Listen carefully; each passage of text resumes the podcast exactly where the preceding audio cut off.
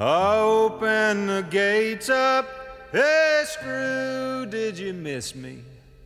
Jimmy, I see that you found a new friend. Warden, come down here and kiss me hello, cause I'm back home in Huntsville again. Welkom bij de Prison Show, het programma over delict, straf, herstel en terugkeer. Oprecht, onafhankelijk en baanbrekend. Want iedereen heeft recht van spreken en verdient erkenning voor wie hij of zij is. Met Edwin En Frans. Yes, I'm back home in Huntsville again. Welkom bij de Prison Show op prisonshow.nl in Spotify, alle podcast apps. En daar weten jullie ons altijd weer goed te vinden op vrijdagochtend, maar op een later tijdstip. Mag je ook lekker luisteren natuurlijk. Heerlijk om hier weer te zitten. En eh, we zitten in eh, eh, mijn keuken in Westzaan met uitzicht over de weilanden. En eh, ja, ik zit hier tegenover twee, eh, twee zaankanters. Eh, Ja. Dus ik ben eh, behoorlijk in de minderheid. Maar ik ga ja, er het beste van proberen te maken. Ehm, Je bent toch wel gewend inmiddels, hè? ik ben het wel gewend, ja. Er wonen, ik heb gemerkt sinds ik in, eh, in Zaanstad woon dat, eh, dat, dat er best wel veel zaankanters wonen hier. Ja? Ja, nou, Geweldig. dan wonen er veel zaankanten in. een geweldig begin. Nou, we, je we horen ook al de, de, de stem van de gast. Eh, iemand die we al eerder ook op het podcastkanaal Ja, hebben gehoord. mijn, eh, En eh, die ga jij, je gaat, eh, jij wordt nu aangekondigd. Je wordt nu aangekondigd, ja. En zoals Edwin al zegt, eh, Lucinda van der Ven, dat is een bekende van de Stichting Herstel en Terugkeer en van de Prison Show. Ehm, ze was spreker op onze ontmoetingsdag, eh, Recht van Spreken, van 7 oktober. Ehm, en u kunt dat terughoren in onze aflevering eh, met haar, eh, aflevering nummer 166a. Eh, wij vonden dat een heel indrukwekkende, he- heel indrukwekkend optreden van Lucinda.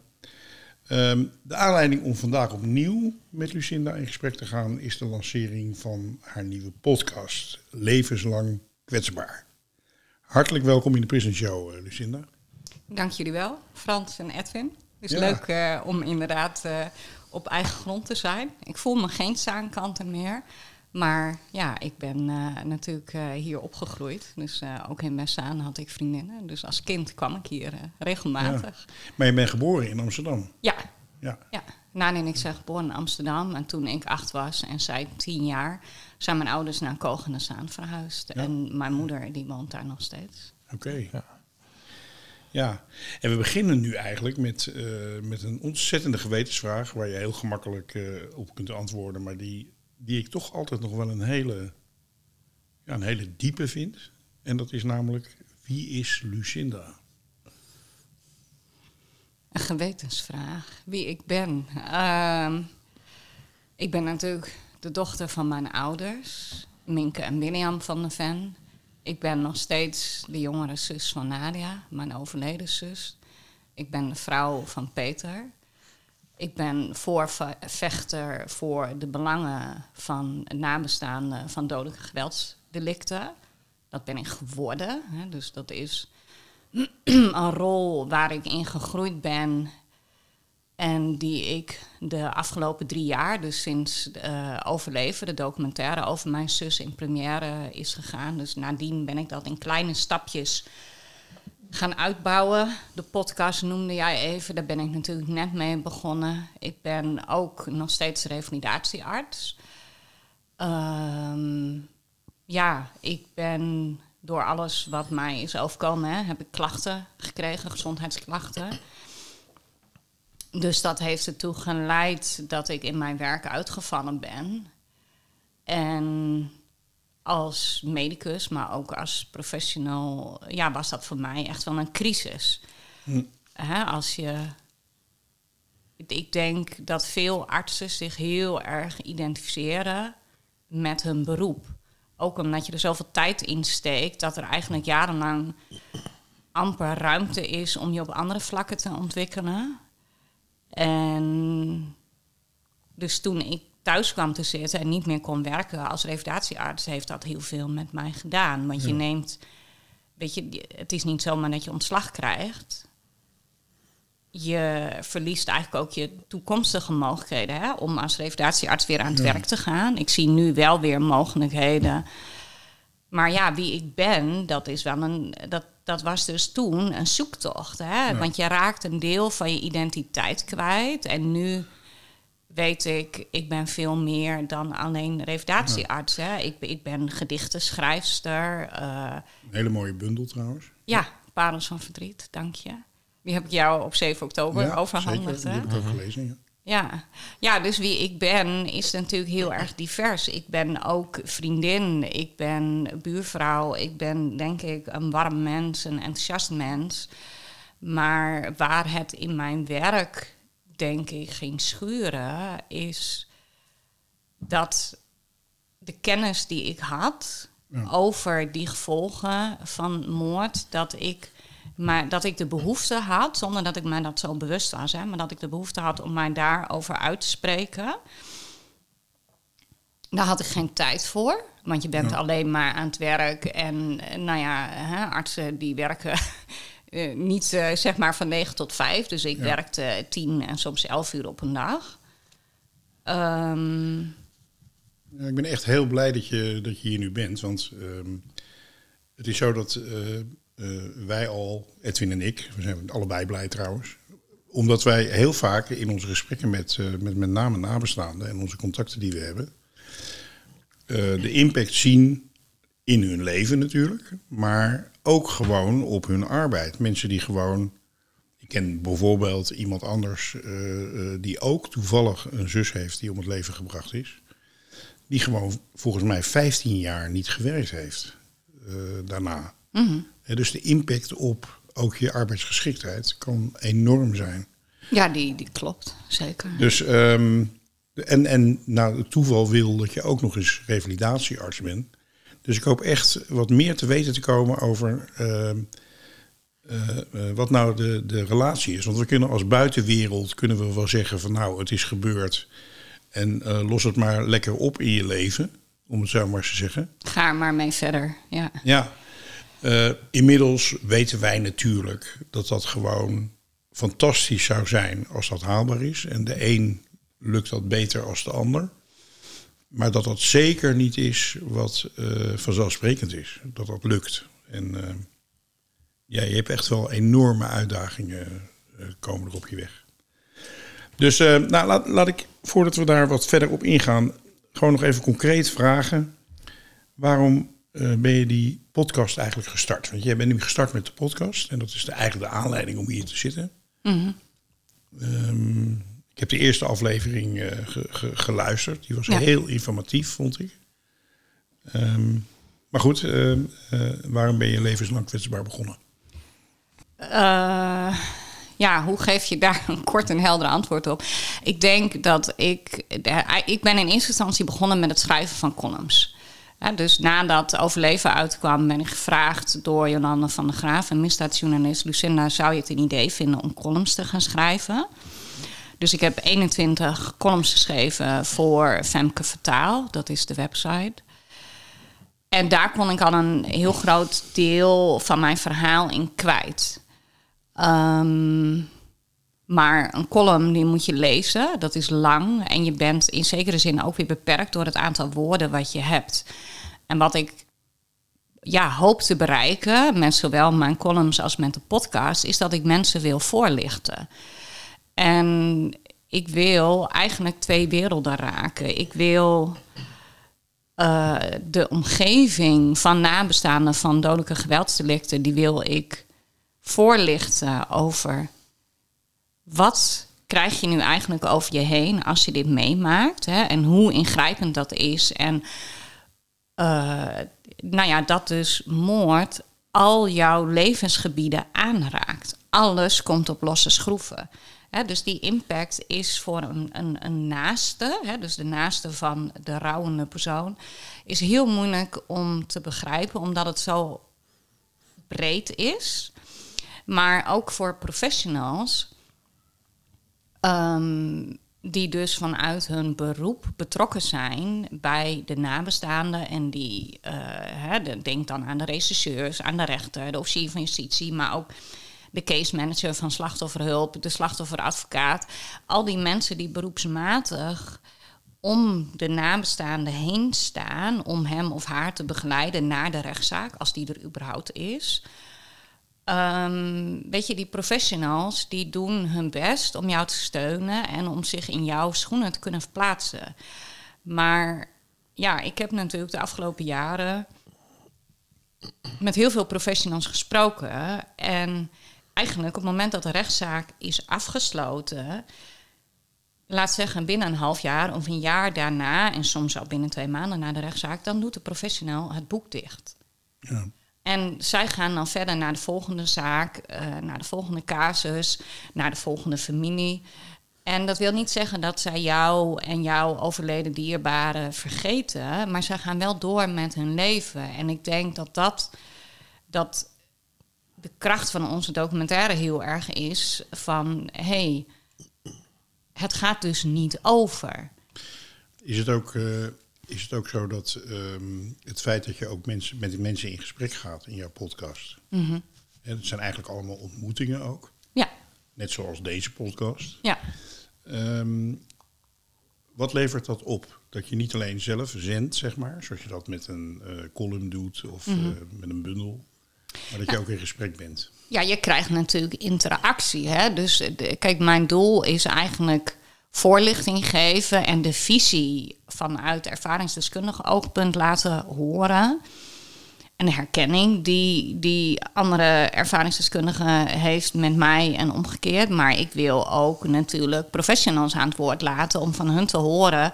Goh, wat vinden jullie goed gaan? Maar ook waar vinden jullie dat nog verbetering hè, mogelijk en in sommige gevallen ook noodzakelijk is. Hè, jij noemde net van hoe, hè, wat maakt dat moord zo ingrijpend is. En wat ik mij ben gaan beseffen, en dat heeft heel lang geduurd voordat ik dat zelf kon verwoorden, maar moord meemaken is een existentiële levenservaring. Alles verandert. Eén op de twee huwelijken strand hè, als je een dierbare door moord Kun je verliest. nog even iets zeggen over het verschil tussen... eh, eh, stel je voor dat Nadine, Nadine een ongeluk had gehad. Nadia. Oh, Nadia, sorry. Ik, Ja. eh, ehm, stel dat ze een ongeluk, auto-ongeluk Ja. gehad en als gevolg daarvan was overleden. was overleden. Wat En- was dan het verschil geweest? Ja, Uh, het is natuurlijk heel moeilijk hè, om, om je daarin te verplaatsen, omdat ik dat alleen maar kan invullen. Maar ik denk het meest cruciale verschil is uh, ervan uitgaande hè, dat het niet een dronken automobilist was, maar bij een auto-ongeluk is er geen sprake van opzet. en in ieder geval geen dader dan. Hè? Nou ja, er is wel een schuldige, maar dat is, precies- is, is eigenlijk wat je zegt. Je hebt een schuldige, maar die had niet de intentie om mijn zus te doden. Je, gaat, je stapt niet in de auto, als het goed is, met het doel: vandaag ga ik iemand doodrijden. En als je dat doet, dan is het slachtoffer eigenlijk irrelevant. Dan is dus het doel: ik wil een slachtoffer maken. En ik denk dat dat het verschil is, dat in Nadia geval haar moordenaar van tevoren bedacht heeft: ik ga jou ombrengen. Hij heeft nagedacht: hoe ga ik dat doen? Ja, dus hij heeft voorbereidende handelingen getroffen en hij heeft heel bewust voor Nadia gekozen, niet voor de andere twee huurders. Ja, dus dat wel overwogen aspect, dat maakt het heel moeilijk. En vergis je niet, hè, nou ja, dat weet jij denk ik als geen anders, ook verkeersongelukken, die rechtszaken, die kunnen ook jarenlang slepen. Hè? Maar wat wel een heel groot verschil is, is uh, dat de aansprakelijkheidsverzekering van de veroorzaker, die keert een schadevergoeding uit. Dat is allemaal in het verzekeringsrecht geregeld.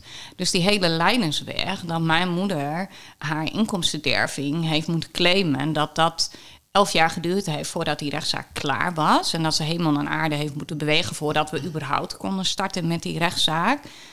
dat is heel anders. Nou, ik denk dat je hier echt een, een heel erg belangrijk punt raakt. Uh, als iemand uh, min of meer uh, uh, zonder dat er een intentie was, een ongeval krijgt en komt te overlijden.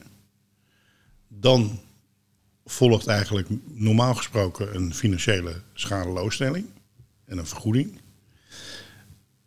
Op het moment dat iemand eh, wat eigenlijk veel, veel meer impact heeft door geweld van iemand, hè, intentioneel vaak, om het leven wordt gebracht, dan eh, wordt het eh, veel moeilijker om dat geld te krijgen. Ja. En dat is natuurlijk, ja, dat voelt natuurlijk, tenminste, ik weet niet hoe jij daarin zit, Edwin, maar dat voelt helemaal niet rechtvaardig. Dat kun je dus heel, dat contrasteert enorm met elkaar. Ja. Ja. En dan ehm, heb je ook te maken met ja, een dader. Wat is zijn? Je, eh, je, je kunt van iemand ook wel heel veel geld claimen, maar is het een kale kip die je niet kunt plukken? Of is het een. En, en de, de- die komt in een soort heel moeilijk juridisch nest dat echt per als maatwerk moet worden opgelost. Het wordt eigenlijk opgehangen Ja. aan het individu van de dader. Juist. Ja. En er wordt niet, er wordt eigenlijk voor, ik, eigenlijk, dit is cruciaal, hè, wat jij nu zegt. En dat is ook mijn grote frustratie.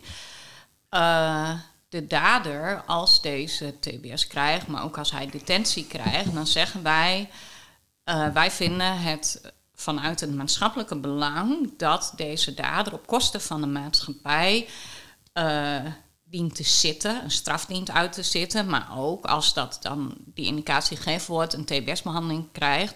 Wij vinden het zo belangrijk dat deze persoon alleen terugkeert naar de maatschappij als het veilig is. En dat betekent of hij het wil of niet. We leggen die TBS op en wij vinden dat wij als maatschappij de verantwoording hebben, maar die ook nemen om dat te bekostigen. Ja, ja. Terwijl eh, hè, wij als rouwende familie van een overleden kind en zus ons herstel, hè, dus het, de mogelijkheid en de onmogelijkheden die wij hadden, mijn moeder en ik, en mijn vader is natuurlijk heel snel overleden na Nadia dood, maar ons herstel, dat is een individueel probleem. Dus maatschappelijk gezien neemt niemand daar de verantwoordelijkheid voor. Ja. Van hoe zorgen we ervoor dat Minke van de Ven toch weer haar eh, beroep kan uitoefenen? Hoe zorgen we ervoor dat nu ze na afstudeert, dat ze revalidatiearts wordt en dat ze daarin gesteund wordt? Ze met haar leven verder kan op een goede manier. Ja, zodat ik mijn leven weer op kon pakken en ook mijn moeder. Ja, en dat vind ik dus een, een, een, een inzicht, wat bij mij in ieder geval door gesprekken met jou eh, een stuk dieper geworden is. Meer voelbaar. Ja, Dat is namelijk, kijk, ik zeg altijd van als je ehm, eh, herstel wil bevorderen, als je verder wil gaan na, een, eh, na geweld, dan moet je alle partijen, alle betrokken partijen, moeten daar moet je als het ware erkennen in wie ze zijn en recht van spreken geven en ondersteunen om weer eh, een, een, een, zinvol bestaan te kunnen leiden. En mijn besef is nu dat dat, dat dat echt veel meer betekent als wat ik tot nu toe gedacht had. Dus op het moment dat jij eh, eh, eh, nabestaande bent eh, van een zus die vermoord is, bijvoorbeeld, of eh, een vader of moeder of een kind of wat dan ook, dan, dan moeten wij ook verantwoordelijkheid nemen, meer verantwoordelijkheid nemen, ook in financieel opzicht, dat, eh, dat, dat, dat deze mensen gewoon eh, weer een zinvol bestaan kunnen opbouwen. Ja, ja want ehm, kijk, doordat moord zo allesomvattend is, hè, ik noem het dan existentiële levenservaring, dat maakt. En ook juist doordat je ontzettend geconfronteerd wordt en bij herhaling geconfronteerd wordt met juridisch onrecht. Hè, en dat, eh, misschien is het niet eens altijd juridisch onrecht, hè, want de letter van de wet is zoals hij is. Vanuit eh, eigenlijk een moreel kompas heeft onze wetgeving heel veel beperkingen. Hè? Dus dat maakt dat ook al zou de rechter hè, meer willen toekennen, dat, dat kan gewoon niet altijd, omdat Klopt. de wet dat niet toelaat. Maar dat houdt dus in dat je geconfronteerd wordt met moreel onrecht. En dat maakt ook dat alles waar jij voor stond, al jouw eigen normen en waarden, die ga je herevalueren. En dat betekent dus ook dat jouw beroep, even los van het feit of je lichamelijk of geestelijk nog in staat bent en nog de energie hebt om je werk uit te kunnen voeren.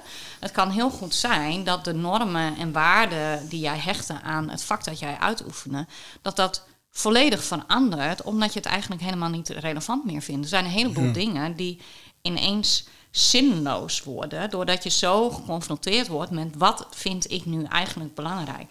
Waar steek ik mijn energie in? En ehm, hè, de, hoe weet het? Het, het dragen van dat lot, een ander heel belangrijk aspect waar ik heel blij om ben, hè, want jij noemde al die financiële gevolgen. Gisteren was natuurlijk de uitspraak in de MA17-zitting. En waar ik heel blij om ben, want ik heb mij daar heel vaak over uitgesproken. Hè. Ik heb ook.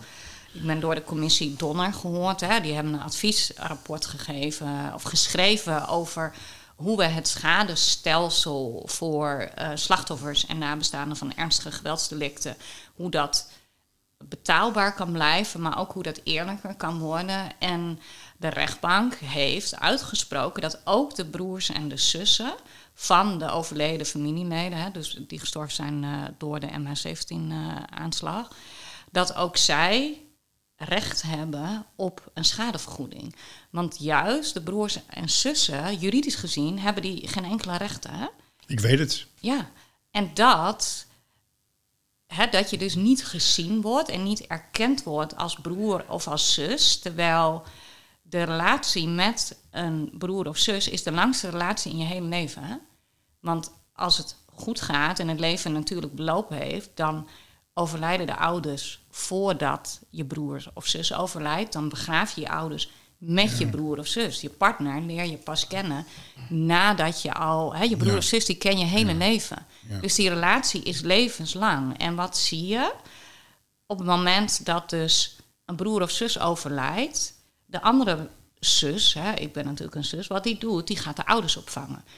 Had de overleden zus of broer een partner en ook nog kinderen... dan ga je dus als broer of als zus die kinderen opvangen. Je gaat die partner ondersteunen.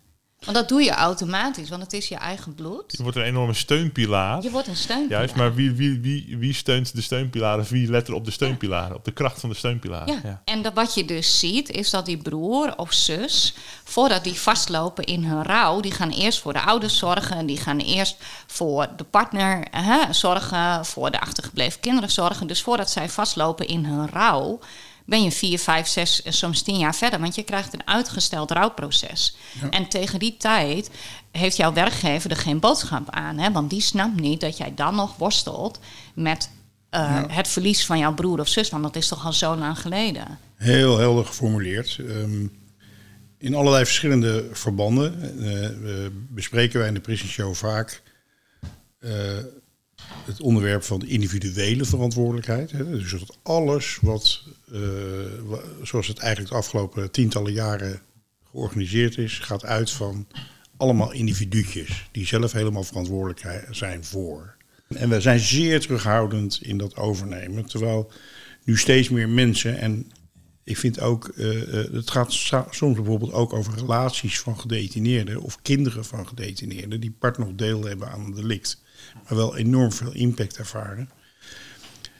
Het, het, deze uitspraak van de rechter is inderdaad heel belangrijk, omdat hij eigenlijk zegt van wij zijn ook collectief verantwoordelijk voor de impact op veel meer dan alleen de dader en het slachtoffer. Ja. Het is eh, de impact voor anderen is ook enorm. En dat, en dat is niet individueel het pakje aan van diegene. Want mensen hebben gewoon, we hebben nou eenmaal te maken met mensen die in een bepaalde periode van hun leven, en soms zelfs eh, heel lang, echt onze, eh, ons aller vangnet nodig hebben, zeg maar. Ja. Die mensen zijn er. En dat vinden we moeilijk om daarmee om te gaan. Want eh, ja, dat, eh, dat wordt weggeduwd. Hè. Iedereen is zelf verantwoordelijk, bla bla bla bla. bla. Ja. Maar dan sluit je eigenlijk de ogen voor het feit dat medemensen dingen meemaken waar ze ons allemaal voor nodig hebben. Zeg maar. Ja, ja je, Het zou natuurlijk fijn zijn als je een vangnet hebt eh, waar je terecht kunt. Hè, wat, wat ik een heel mooi initiatief vind, wat mij nu te binnen schiet. Ja, je hebt natuurlijk in Nederland op verschillende locaties nu de kanker-inloophuizen, hè, waar Ja. de patiënt zelf terecht kan, maar ook eh, familie van iemand die kanker heeft. En je hoeft niet eens familie te zijn, je mag ook een vriend of vriendin zijn of een buurvrouw. Als jij hè, iemand in jouw omgeving van wie jij houdt kanker heeft, dan kun je dus naar dat inloophuis gaan. En dan kan je vaak voor een heel laag tarief kun je meedoen met gespreksgroepen, met workshops. eh, hè, en dat is een ontzettend mooi initiatief. Ik heb daar in het verleden ook wel gebruik van gemaakt. Hè. Dus ik, ik kwam toen bij een inloophuis in Nieuw-Vennep, omdat ik mijn gedichtenbundel daar in de boekenkast neer wilde zetten. En eh, zeg maar, de gastvrouw die mij ontving, die zei toen tegen mij: Ja, maar nu zit en jij behoort tot de doelgroep, hè? Want mijn nicht leefde toen nog en zij is helaas overleden aan kanker. Maar mijn vader is natuurlijk ook overleden aan kanker. Dus dan moest ik echt even schakelen. Wacht even, eh, je bedoelt dat ik tot de doelgroep behoor? Ja. ja dus ik ben toen een, een tijd lang hè, dat ik nou ja, af en toe naar een workshop van hun ging. Maar het zou zo mooi zijn als dit soort inloophuizen op een veel bredere manier ingezet kunnen Ja, worden. Want wat mij altijd verbaasd heeft, van waarom hebben we wel inloophuizen voor mensen en naasten van iemand met kanker? Waarom heb je dat niet voor dementerenden? Dat begint nu te komen. Of voor mensen met de ziekte van Parkinson. Of los van welke ziekte. Maar inloophuizen voor rouwenden. En misschien specifiek hè, naasten van iemand die... eh, hè, Ik denk wel eens, eh, het is zo, we zijn zo vervreemd eigenlijk in Ja. de samenleving. we zijn geïndividualiseerd. Dat, En- dat, dat eh, ik, ik weet niet hoe jij erover denkt, maar dat ik denk van, je zou eigenlijk plekken moeten hebben overal. Ja, Die vrijplaatsen zijn, die veilig zijn voor iedereen, waar iedereen zichzelf kan zijn. ja. En waar je dus ruimte, waar ruimte is voor dit soort dingen. En dat hoeft niet eens heel specifiek te zijn, zeg maar. Bedoel, je kan daar wel groepjes binnen hebben. Maar eigenlijk gewoon ja, eh, veilige plekken. Daar gaat het Nou eigenlijk ja, een ik denk om. wat je bedoelt is ruimte voor verdriet. Bij, kijk, vroeger eh, gingen mensen naar de kerk. En dan was de kerk voor sommigen een plek van troost. Tegelijkertijd zijn er natuurlijk binnen de kerkgemeenschappen ook de meest verschrikkelijke dingen gebeurd. En wij zijn ontkerkelijkt. En tegelijkertijd zie je dat daardoor een leegte is ontstaan die nooit meer is opgevuld. Zeker. Terwijl die behoefte er wel nog is. En eh, ik, ik bedoel, deze week is het boek uitgekomen van de partner van Peter de Vries. En wat mij trof, hè, is dat zij in een van die interviews die ik gelezen heb, dan zegt ze van ja, ik laat mijn tranen niet zien aan eh, mijn vrienden en familie. Dus ik heb als schrijvende heb ik mijn tranen laten lopen. Was dat het boek van de, verwerkt. van de ex-vrouw van, eh, Nee, van of- de, van de vriendin. Zijn latere partner, ja. ja. dus van Ja. Tamina, hè, die Ja, hele jonge vrouw. Ja, ik heb die documentaire gezien. Ja. Vond ik heel indrukwekkend trouwens. Inderdaad, ja. Heel mooi. En hè, wat, wat mij nou raakt, is dus dat ze eigenlijk hetzelfde heeft gedaan wat ik heb gedaan. Hè. Ik heb mijn gedichten allemaal geschreven vanuit verdriet. En ik ben ze gaan schrijven doordat ik dat verdriet niet kwijt kon, of het gevoel had dat ik het niet kwijt kon bij de familie, bij vriendinnen. Hè? Want het is zo'n groot verdriet dat je op zoek bent naar herkenning, maar die vind je niet.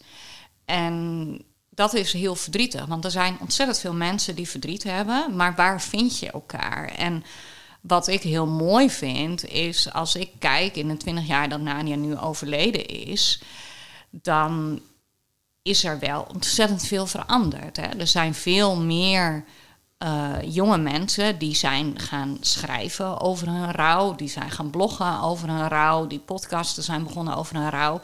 In de tijd dat Nania stierf, de enige boeken die er waren over rouw en verlies, dat waren, die werden geschreven door professionals die 20, 30, 40 jaar ouder waren dan ik. Ja. En daar, daar moest ik het mee doen. Ja, je had totaal geen social media. Nu heb je natuurlijk Facebookgroepen. Ja, je kan op Instagram kun je lid worden van groepen, dingen volgen. De, Dus de, de federatie. Eh, de Federatie Nabestaanden Geweldslachtoffers. eh, nou ja, in de tijd dat Nania stierf, hadden die geen broers- en zusgroepen. Hè? Dus dat was heel erg gericht op de ouders. Ehm, en ik moet bekennen dat ik slechts incidenteel naar bijeenkomsten ga omdat ik daar toch ook niet genoeg herkenning vind. Dus ik heb specifiek met een paar zussen een, een heel prettig contact. Maar Ja, dat zie je. eh, daar heb ik onlangs ben ik, heb ik daar ook met iemand over gesproken. Dat je ook in die groep eigenlijk heel veel groepen hebt. juist, ja. En soms heel ingewikkeld. Ja. Ehm, ik werd bijvoorbeeld geconfronteerd met het feit dat er ook nabestaanden zijn, dierbaren, van mensen die bijvoorbeeld geëxecuteerd zijn en die in de criminaliteit zitten, zaten hè, en overleden zijn en misschien ook hele erge dingen gedaan hebben. Maar tegelijkertijd is dat dan ook wel weer een broer of een kind van iemand, weet je wel? Dus dat, dat was best wel lastig om daarmee om te gaan, eh, begreep ik. Ik wil eigenlijk even terug naar de podcast. Want Ja. ehm, eh, eh, om de luisteraar gewoon, eh, ehm, gewoon even wat meer te laten weten van de gasten die je bijvoorbeeld van plan bent om, om Ja. te ontvangen en dat soort dingen. Eh, nou, de eerste aflevering, daarin word ik zelf geïnterviewd door Richard Grootbot, de documentairemaker. Eh, dus dan vertel ik eigenlijk hoe is Nadia gestorven, hoe is de eerste periode na haar overlijden gegaan en ja, hoe ziet mijn leven er nu uit en hoe is mijn leven op de lange termijn beïnvloed en ook mijn carrière door de moord op mijn zus. De tweede aflevering, die op het moment dat deze podcast uitkomt ook uit is gekomen, daarin interview ik Geert Smit. Geert is psychiater en hoogleraar psychotrauma. Hij is verbonden aan Centrum ARK. Hè? Dus eh, ja. ARK is eigenlijk binnen de geestelijke gezondheidszorg het expertisecentrum eh, op het gebied van posttraumatische stressstoornis en de persisterende rouwstoornis. Dus eh, Geert en ben ik. heel benieuwd naar. Ja, Hè, dus wa- wa- waar wij over in gesprek gaan is waarom juist nabestaanden van moord, maar eigenlijk eh, niet alleen moord, hè, dus waar, waar- eigenlijk eh, die persisterende rouwstoornis die kan ontstaan na, nou ja, laten we maar zeggen, traumatische gebeurtenissen. Hè? Dus waarbij ook de dierbare overlijdt. Dus dat kan zijn door de MH17-ramp, dat kan zijn door een natuurramp. eh, maar ook door suïcide. Hè? Dus eigenlijk onnatuurlijke dood en vaak hele moeilijke omstandigheden rond de dood. Dus waarom ja, heb je dus als nabestaande van moord een risico om die rouwstoornis te ontwikkelen? Ja, ja. Daar praten we over. De derde aflevering die ik, als dat lukt, voor kerst uit wil laten komen. Daarin ga ik in gesprek met Els van der Naald. Els, eh, ja, de dag dat ik haar interview was ook de eerste keer dat ik haar ontmoet heb. Ze is 56 jaar. Haar broer Fred is in maart eh, komend jaar negen jaar terug vermoord door zijn partner. En ehm, ja, ik denk dat het een heel mooi gesprek is, omdat Els natuurlijk zus is. Ehm, maar zij is ook registercounselor. Dus een, een counselor, eh, nou ja, ze is geen psycholoog, ook geen psychotherapeut, maar daar grenst het aan. Hè? Dus net als medici moet ze accreditatie doen, eh, behalen, hè? dus intervisie, al dat soort dingen. Maar zij begeleidt dus ook cliënten. Hè? Dus zij vertelt eigenlijk hoe zij dus beroepsmatig, maar dus ook privé, een enorme uitdaging had. Hoe ga ik het verlies van mijn broer een plek geven? En wat ik heel knap vind van haar, is dat zij in gesprek is gegaan met de moordenaar van haar broer. Hè. Het was zijn partner. Zij kende George ook, zo heet eh, die dader. En zij heeft hele mooie gesprekken met hem gehad. En zij heeft hem uiteindelijk vergeven. Ehm, maar wat Els natuurlijk terecht zegt is. En dat vind ik heel moeilijk. eh, maar uiteindelijk gaat het er niet om of die dader wel of niet in staat is om te reflecteren op zijn eigen gedrag. George, de moordenaar van Fred, heeft schuld bekend.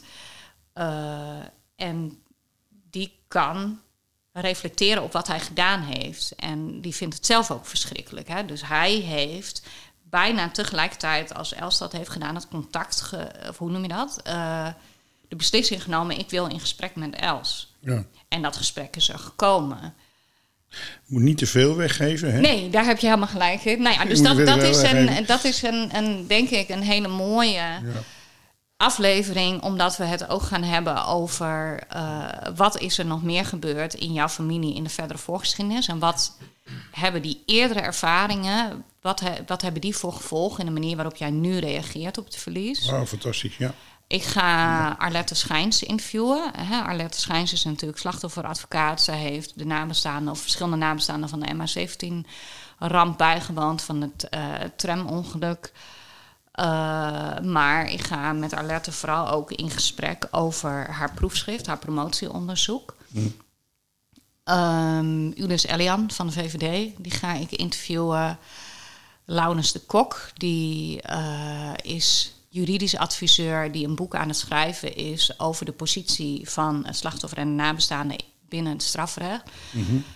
Eh, Saskia Wolters, ook zus van een vermoorde broer, die ga ik interviewen. Nou ja, dat zijn hè, de gasten die nu in ieder geval toegezegd hebben mee te willen ja, ja. Ik denk echt niet dat we te veel weggeven trouwens. Want dit geeft alleen maar aanleiding om met heel veel interesse de podcast te gaan Ja. luisteren, denk ik, als je deze, dit hoort. En ook uit te kijken naar eh, wat er nog op eh, stapel staat. Je hebt al heel veel, heel veel plannen.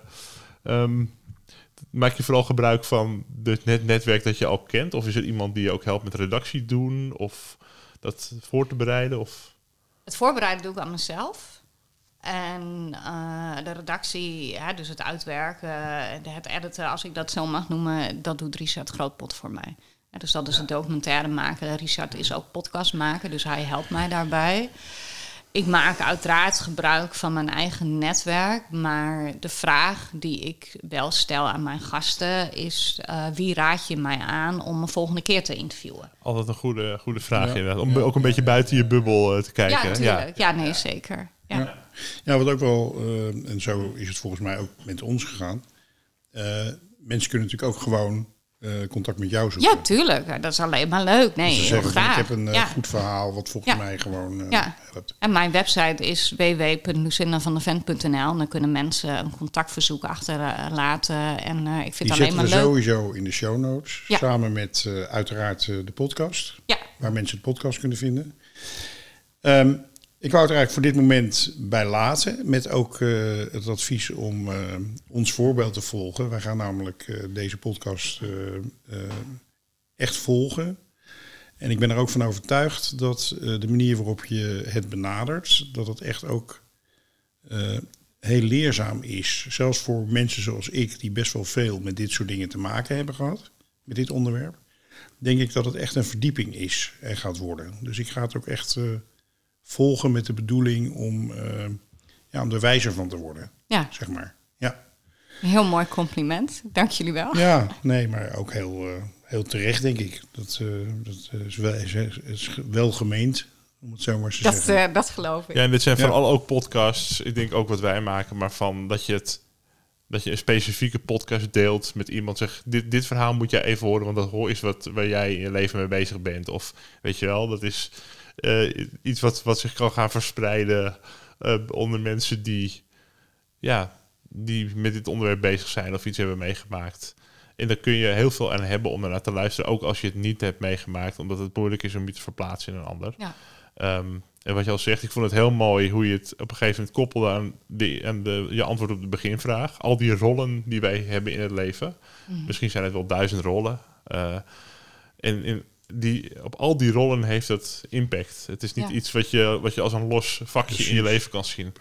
En dat ehm nou, heel waardevol dat je die verhalen ook, eh, ook opneemt met die mensen. Dus we gaan, eh, ik ga het met heel veel interesse ik het volgen. Dank Ja, en ehm, ja, eh, met het afsluiten van de podcast kunnen we ons ook even wijden aan het overheerlijke gebak van eh, Lex Brakenhof.